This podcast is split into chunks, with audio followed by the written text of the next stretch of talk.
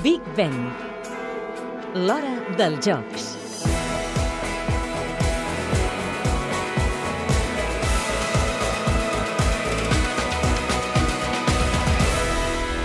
Londres té uns 8 milions d'habitants, xifra que augmenta considerablement si incloem l'àrea metropolitana. Durant els Jocs, bona part dels londinencs marxaran de la ciutat, però n'hi arribaran molts d'altres.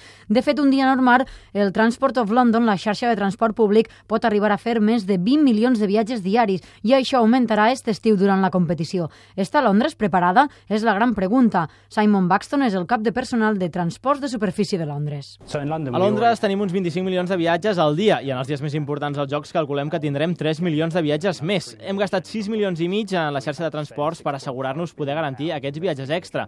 Això s'ha traduït a millorar i estendre la xarxa del Docklands High Railway i també a Stratford i l'est de Londres, on està situada la zona olímpica, o fins i tot desenvolupar una infraestructura addicional per a bicicletes. A la llarga, tot això romandrà com a llegat a la ciutat després dels Jocs. London afterwards. I per aconseguir tot això s'han invertit uns 7.500 milions d'euros en un ambiciós programa de modernització dels transports. S'han habilitat 48 quilòmetres de carrils addicionals, 80.000 autobusos i 22.000 taxis negres.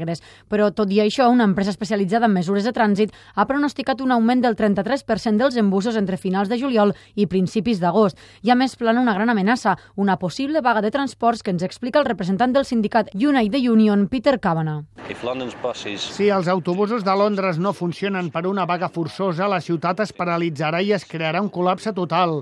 La gent no podrà arribar als llocs, els atletes, els periodistes, els entrenadors, els espectadors. No tindran manera d'arribar a la zona olímpica.